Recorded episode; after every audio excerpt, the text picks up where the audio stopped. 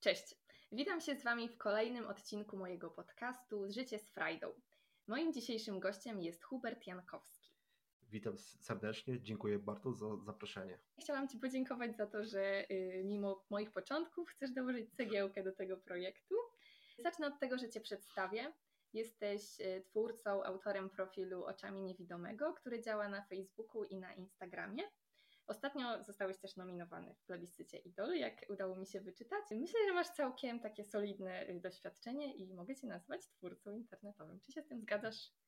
Yy, myślę, że tak. Yy, długo, dużo pracowałem, żeby mm, stworzyć to, co tworzę. Chciałabym zacząć od początku. Pewnie wiele razy już to opowiadałeś, ale chciałabym poznać Twoją historię. I zaznaczę jeszcze, że y, w Twoim y, opisie na Instagramie napisałeś, że jesteś osobą ociemniałą. Chciałabym, żebyś zaznaczył, co to jest i jak to się właśnie odnosi do Twojej historii. Osoba ociemniała jest to osoba, która y, w ciągu życia straciła wzrok. To właśnie mm, mało kto wie, że niewidomy jest to człowiek, który nie widzi od urodzenia, a ociemniały, który stracił w trakcie życia.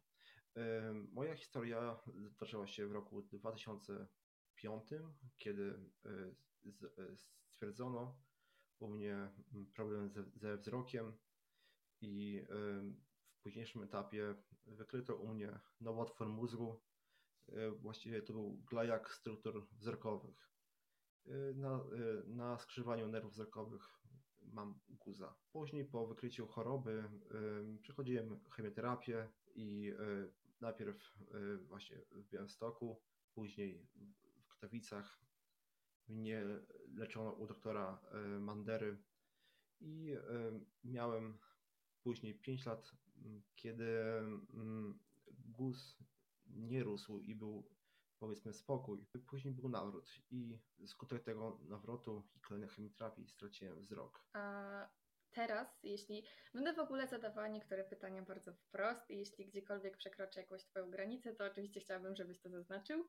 E, chciałam zapytać teraz, jak mógłbyś określić e, swój wzrok, czy nie wiem, na jakim to jest po prostu poziomie? Mój wzrok to jest w ogóle śmieszne pytanie, bo kiedyś jak widziałem to źle, to pamiętam, że wszystkim mówiłem, ja przecież dobrze widzę, wszystko jest w porządku. I a prawda jest taka, że mm, mój wzrok, e, no nie ma tego wzroku. Widzę jakieś kształty, ale to nie jest nic, szczegółów nie widzę. Widzę po prostu wszystko za, za mgłą i mm, nie, jest, nie jestem w stanie robić nie, samodzielnie nie, niektórych rzeczy. Oczywiście poruszam się samodzielnie we własnym otoczeniu, instruktory znam, ale y, tak potrzebuję po prostu pomocy osoby trzeciej. Mhm. A jak traciłeś ten wzrok, to mm, czy jakoś to rodzicom komunikowałeś, że coś się dzieje, czy jaki to wyglądał ten proces? Rodzice widzieli to. Y, widzieli, że tra tracę wzrok, bo zaczynałem się inaczej zachowywać. Nie patrzyłem wprost na nich, tylko patrzyłem pod nogi.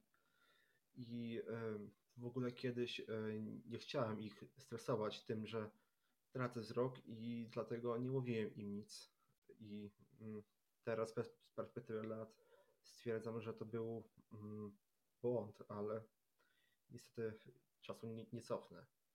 A jeśli chodzi o mm, nie wiem, czy y, zapytałaś o, o to, czy mm, co czułem, prawda? Mhm. Gdy traciłem wzrok, no, no to na pewno strach. Strach o przyszłość, o to, czy, czy dam radę, czy nie będę zbyt dużym obciążeniem dla rodziny, znajomych, przyjaciół. Ale y, z perspektywy czasu uważam, że, że to był, mm, że, że to mm, było błędne myślenie, bo człowiek jest się w stanie wszystkiego nauczyć i z mhm. każdego, powiedzmy, błota, czy z każdego problemu znaleźć wyjście. A no byłeś w sumie, tak jak już wspominaliśmy, no mały. Hmm. E, jak wyglądało to wsparcie na tamtym etapie ze strony rodziny, właśnie ze strony znajomych? Jak oni reagowali? E, no jak ci po prostu towarzyszyli? Oczywiście rodzina bardzo mnie wspierała, wspiera mnie teraz. Naprawdę oni są niesamowici, niesamowici. Pozdrawiam ich serdecznie z tego miejsca. Y, również y, moi przyjaciele starali się tutaj mi pomagać i wspierać na, na każdym szczeblu, powiedzmy. Moje otoczenie otaczam się wśród ludzi, którzy dają mi całe serce, oddają mi całe swoje dobro i myślę, że mogę, mogę się nazywać człowiekiem szczęśliwym, bo dzięki temu, że są przy mnie, to po prostu ta strata, mimo że mm, bolesna, to była, jest, jest całkiem prosta do, do zniesienia. A czy właśnie to, że wygląd pewnie wielu rzeczy pamiętasz, czy to ci jakoś ułatwia funkcjonowanie? Pamiętam, e, pamiętam właśnie wiele rzeczy i to mnie, muszę powiedzieć szczerze, motywuje, że chciałbym to zobaczyć w przyszłości. Mam nadzieję, że y, e, naukowcy wymyślą coś, aby po prostu mm, mi ten wzrok przywrócić. Ale generalnie bardziej mi pomaga to, że wiem, gdzie kładę swoje rzeczy. Mhm. Po prostu e, każda chyba osoba niewidoma czy ociemniała e, przyzna, że najważniejsze jest ułożenie, e, ułożenie przedmiotów w miejscu, w którym mieszkamy. Po prostu, a jak czegoś nie ma, to po prostu cały, na, cały nasz, powiem, poukładany świat legnie w gruzach. Właśnie jeśli chodzi o Twoje poruszanie, to czy od początku chodziłeś z laską? I interesuje mnie to, jak wyglądał w ogóle proces nauki chodzenia z nią i jakie jest dokładne jej zastosowanie. To um, nie chodziłem od, od, od razu um, z laską. Już jak nawet bardzo źle widziałem, ale coś widziałem, to też chodziłem bez. Oczywiście było wiele potknięć, wiele mm, zbitych nosów czy guzów na, na czole, ale jakoś bardzo się wstrzymywałem od tego, żeby tę laskę posiadać. W roku 19 trafiłem e, na wyjazd do Bydgoszczy na turnus dla osób niewidomych i tam nauczono mnie poruszać się z białą laską i uznano jak z niej korzystać. Oczywiście początki nie były, nie były, nie, nie były łatwe, bo y, kazano mi iść z zamkniętymi oczami i posiłkować się jedynie słuchem. I to, i y, to był taki szok. I po, powiem szczerze, mm, do tej pory nie wiem, jak, jak mi się udało to przeżyć i y, wciąż jak, jak się na, na, nauczyłem z tym radzić. Ja w sumie spotkałam się z taką opinią, że ta laska często jest takim komunikatem dla osób widzących, żeby, no, że jest po prostu wokół nas taka osoba, ale też no, służy Ci do tego, czy Ty jakby słuchasz tego, jak ten dźwięk się odbija, czy to bardziej na zasadzie, że czujesz, że masz przed Tobą stopień? Czuję e, podłoże. E, ja mam laskę grafitową. Przez ona jest lekka i po prostu lepiej czuć, mm, powiedzmy, powierzchnię, w którą uderza. Mam też obracającą się końcówkę, więc też często nie muszę po prostu stukać tu laską, tylko wystarczy, że będę jeździł po podłożu. Też właśnie y, dźwięk pomaga, bo um, jak odbija, od, odbijam się od jakiejś ściany czy od czegoś, to po prostu um, wiem, czy, czy to jest pomieszczenie, czy to y, płot, czy to słup, prawda? Y, więc dźwięk jest właśnie bardzo ważną kwestią. A jeśli chodzi o taką pomoc też w poruszaniu się, to wydaje mi się, że w którymś ze swoich spisów e, zaznaczyłeś, że masz asystenta. Dobrze wyczytałam? E, tak, e, mój asystent, mam asystenta z uczelni. Mm, jest to osoba, która po prostu pełni rolę moich oczu. Jest to student, który po prostu chodzi na zajęcia swoje i też przy okazji mi, mi pomaga. Y, notuje, pomaga się poruszyć z miejsca, z miejsca na miejsce. Czyli jest to osoba, która po prostu razem z Tobą studiuje, ale jednocześnie pełni też funkcję Twojego asystenta, tak? Tak, dokładnie tak. A kiedy decydowałeś się na y, studia, to czy miałeś jakieś obawy? Y, nie chodzi mi tutaj o kierunek, może dokładnie, a o sam fakt studiowania i wszystkim, co z tym związane. Oczywiście, że się bałem. To było dla mnie bardzo duże mm, wyzwanie. Prze, przede wszystkim mm, ilość nauki nowi ludzie.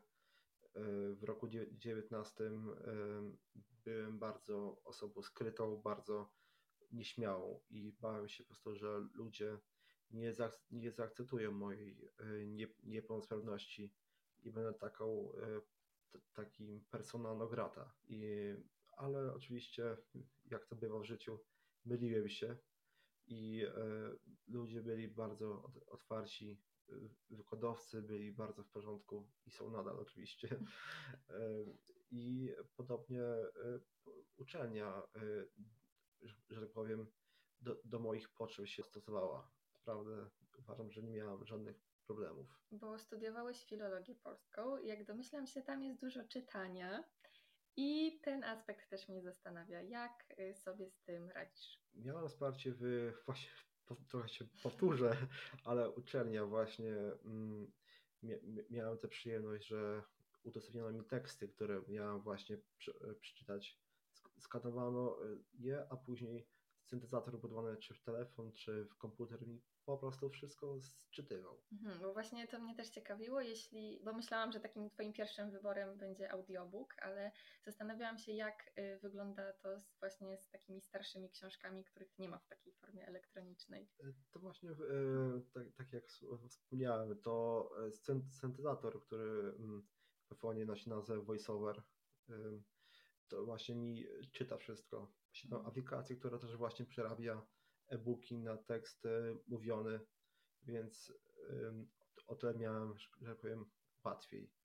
I, a jeszcze czy, czytam w ogóle bardzo szybko, nie czytam tego, słucham, e, to co ludziom się w ogóle wydaje abstrakcją, a mi to po prostu, e, a, a mi jest to tempo normalne, ale da się zrobić wszystko i a uważam, tak z perspektywy czasu uważam, że jedyne ograniczenia są w naszej głowie.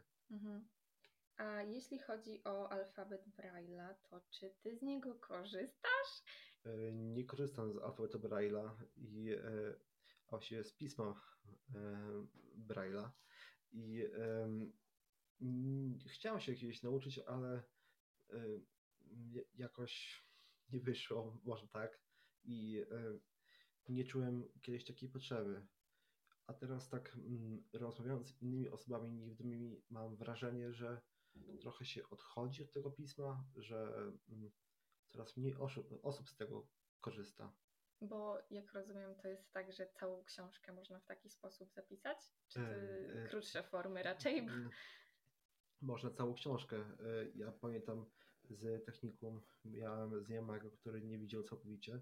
Otrzymywał Y, książki do masażu, bo jestem po techniką masażu, w formie właśnie Braille'a.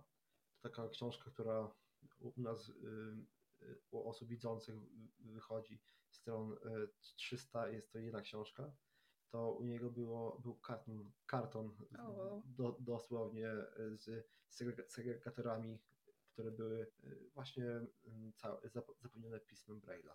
E, dobra, mamy dla Ciebie jeszcze kolejny aspekt, czyli e, pewnie spotyka Cię dużo osób też na ulicy e, i no my się nie widzieliśmy kilka dobrych lat.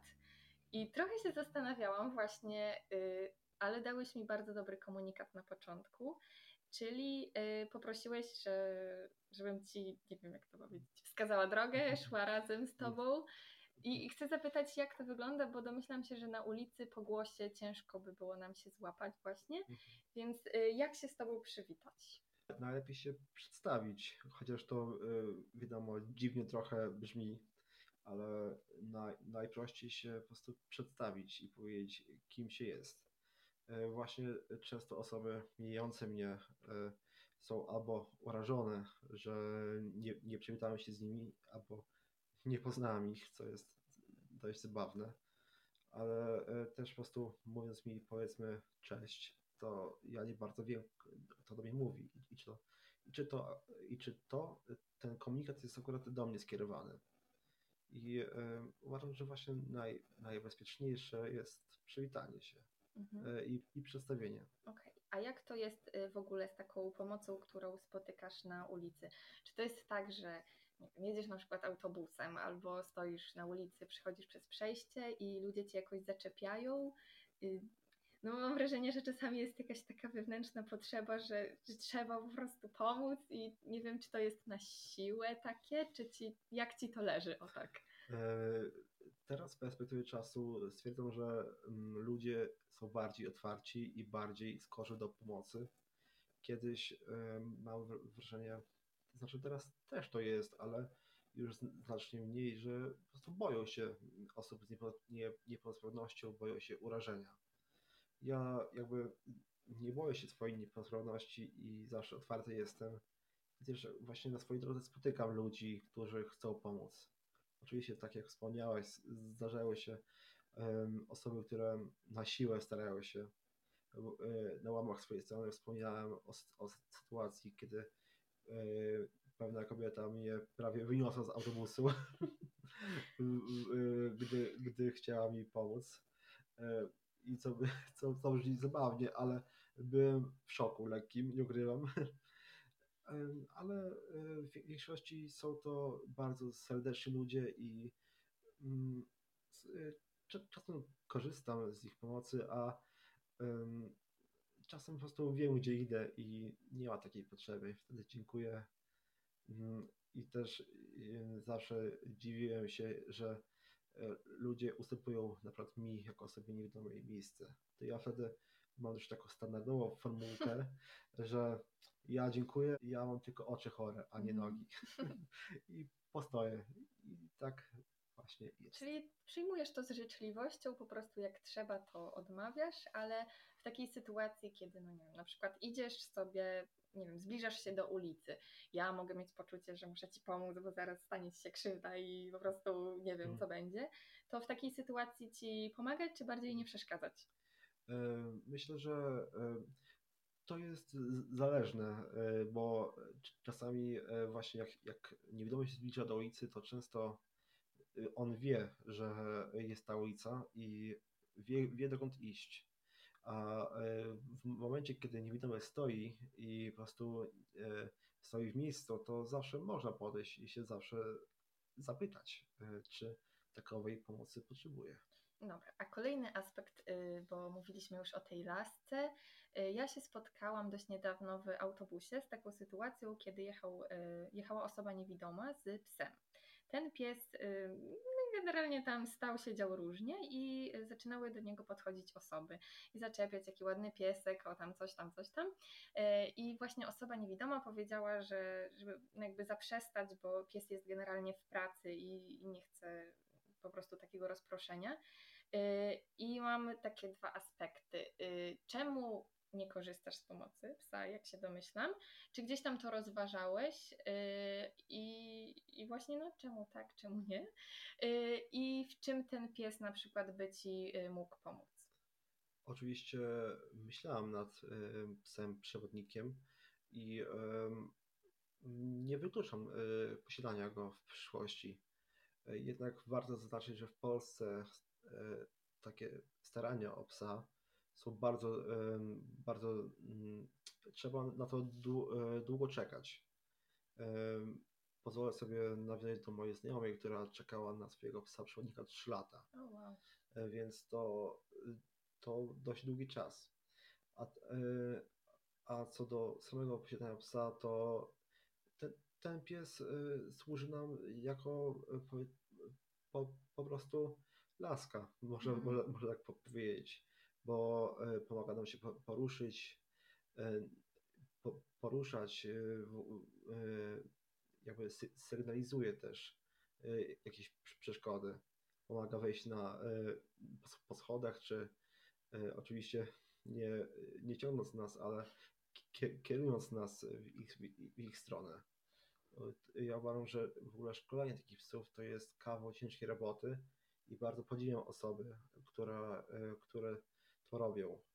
Chyba y, właśnie jako mm, y, jedyna, przepraszam, jeśli się oczywiście mylę, w Polsce jest film, fundacja Wismajor, która właśnie szkoli takie psy przewodniki. A jeśli chodzi o pomoc w takich codziennych sytuacjach, to ym, interesuje mnie to i z jakich gadżetów korzystasz, jeśli dobrze rozumiem, bo czytałam Twój post i tam y, napisałeś, że kiedyś, jak robiłeś herbatę, to wsadzałeś do kubka palec i w momencie, kiedy czułeś ciepło, to po prostu wiedziałeś, że kubek jest pełny. Czy coś w tym się zmieniło? Czy jakby są jakieś takie ułatwienia, czy dalej z tego korzystasz?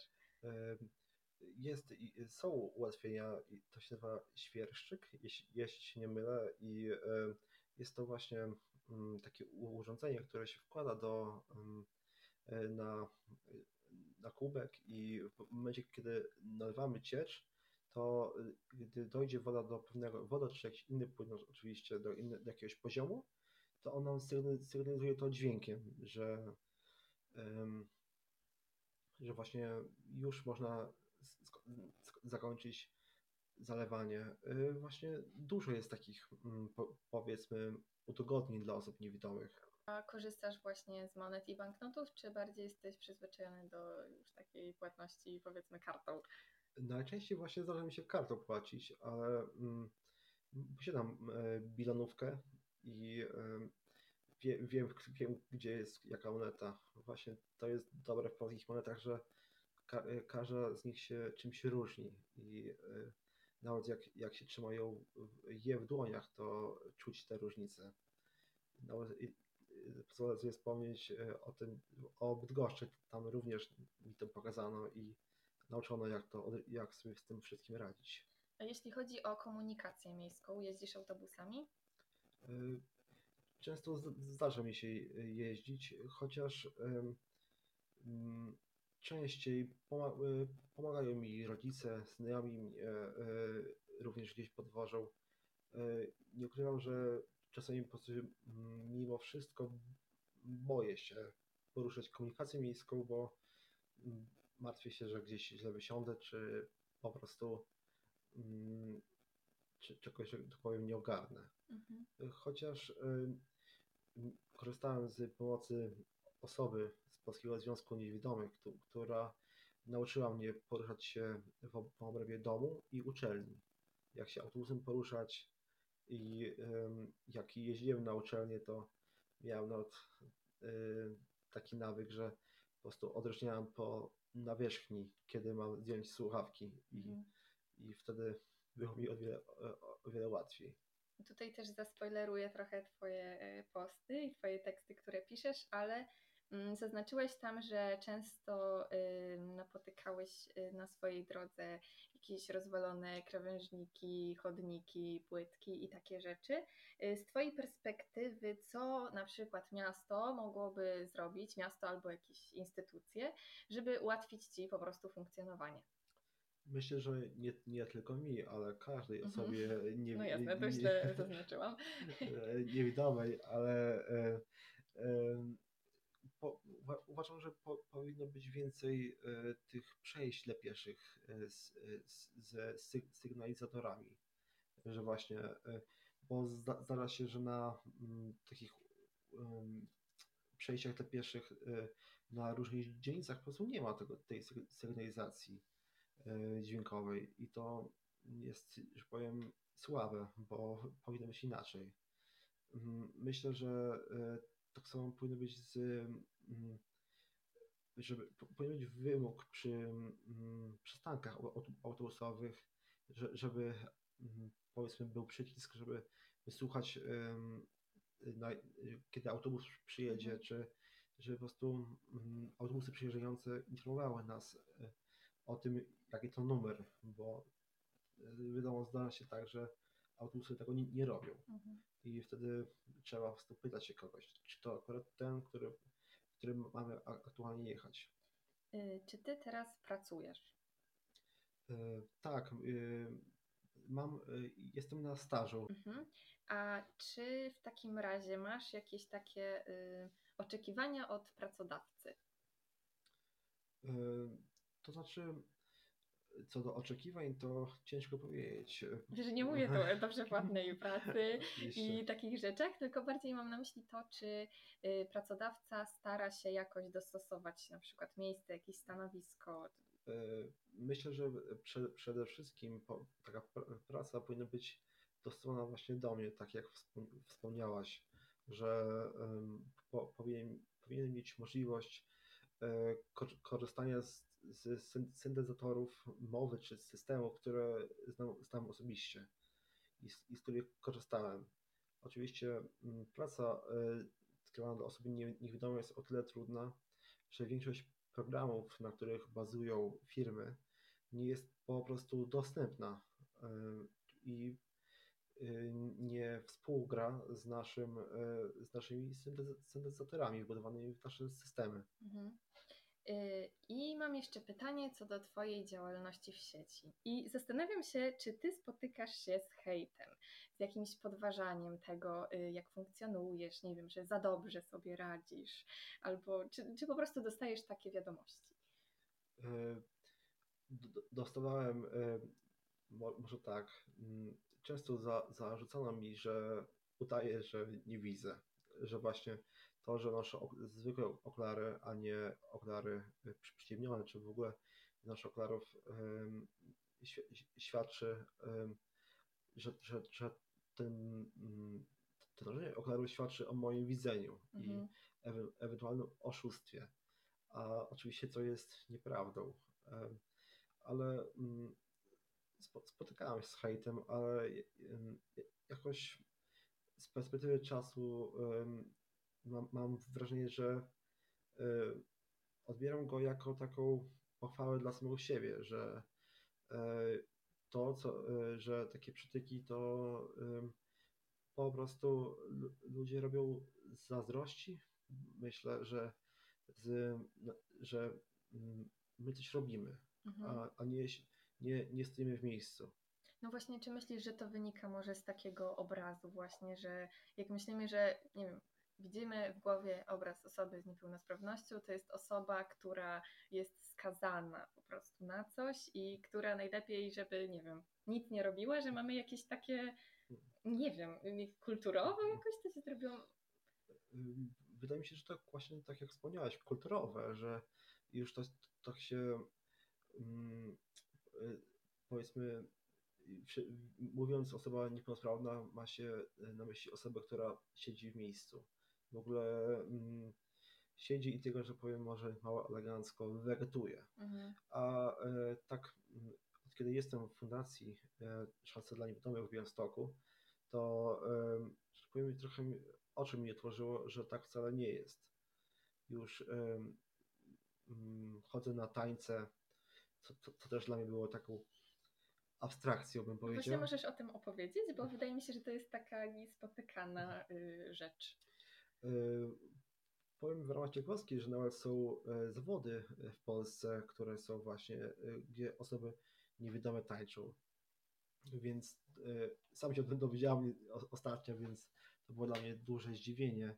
Chodzę na taniec nowoczesny. Aktualnie jestem w projekcie, który ma dać nam osobom niewidomym po prostu pokazać, że nie ma barier. Mhm i faktycznie tańcząc tam e, nie, nigdy nie, nie czułem takiej swobody i ludzie, którzy, z którymi współpracuję, którzy są instruktorami tam nam osobom niewidomym, są po prostu niesamowici i dają ta, taką energię i są tak utalentowani, że powiem może kolokwialnie mała głowa.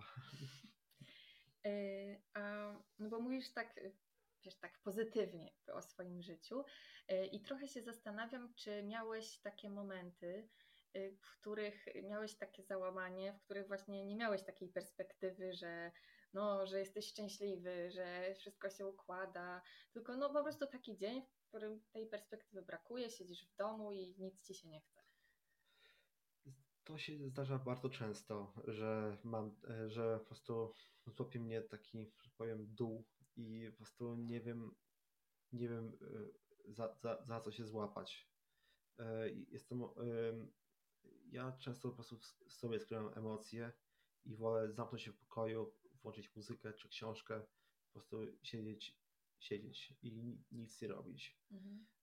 Jako osoba młoda często może zazdrościłem osobom w moim wieku, że tutaj imprezują, tutaj jeżdżą samochodami, i e, wiadomo, jak, jak, jak, jak to dzieciak czy osoba młoda. Teraz z perspektywy czasu mm, wciąż miał dni takiego melancholii może, takiego tak ciężkie, że po prostu brakuje mi tego wzroku i bym chciał zobaczyć, zobaczyć jak, jak wyglądają moi znajomi, czy jak się po prostu cały świat zmienił. Po prostu móc spojrzeć w niebo i powiedzieć, o, faktycznie tak to wyglądało. No ja myślę, że tutaj y, w ogóle z mojej strony i mam nadzieję wszystkich słuchających, to y, ogromne takie dzięki za normalizowanie w ogóle tego świata, bo ja myślę, że często boimy się zadać jakieś takie pytanie i z tej niewiedzy po prostu y, no nie ułatwiamy sobie nawzajem życia. I wiesz, ja też y, jakby przed spotkaniem z Tobą, zresztą Ci też zaznaczyłam, że jeśli nie chciałbyś o czymś rozmawiać, to y, żebyś jakoś mnie o tym informował, bo te pytania nawet dla mnie czasami były takie trudne do zadania, bo jakby nie wiem, jak Ty się z tym czujesz, nie? A no myślę, że robisz bardzo dużą pracę dla no, osób widzących generalnie też. Staram się, staram się po prostu patrzeć optymistycznie i y, tak jak mówię, mieć otwarty umysł z mojej perspektywy nie ma po prostu tematów tabu. Trzeba mówić o, nie, o niepełnosprawności, bo często po prostu ona jest jakąś małą przeszkodą do tego, byśmy razem żyli, byśmy razem po, po prostu wtali życie i po prostu czerpali z niego całymi garściami. To mam jeszcze dla Ciebie takie dwa w ogóle szybkie strzały pytania na koniec, które pewnie słyszałeś milion razy, ale które w ogóle jak y, oglądałam różne wywiady, to absolutnie pojawiały się zawsze, czyli y, o czym Ty śnisz i czy to prawda, że Twój słuch się wyostrzył? Y, o czym śnię? O, to jest dość ciężkie pytanie, bo śnię o wielu rzeczach.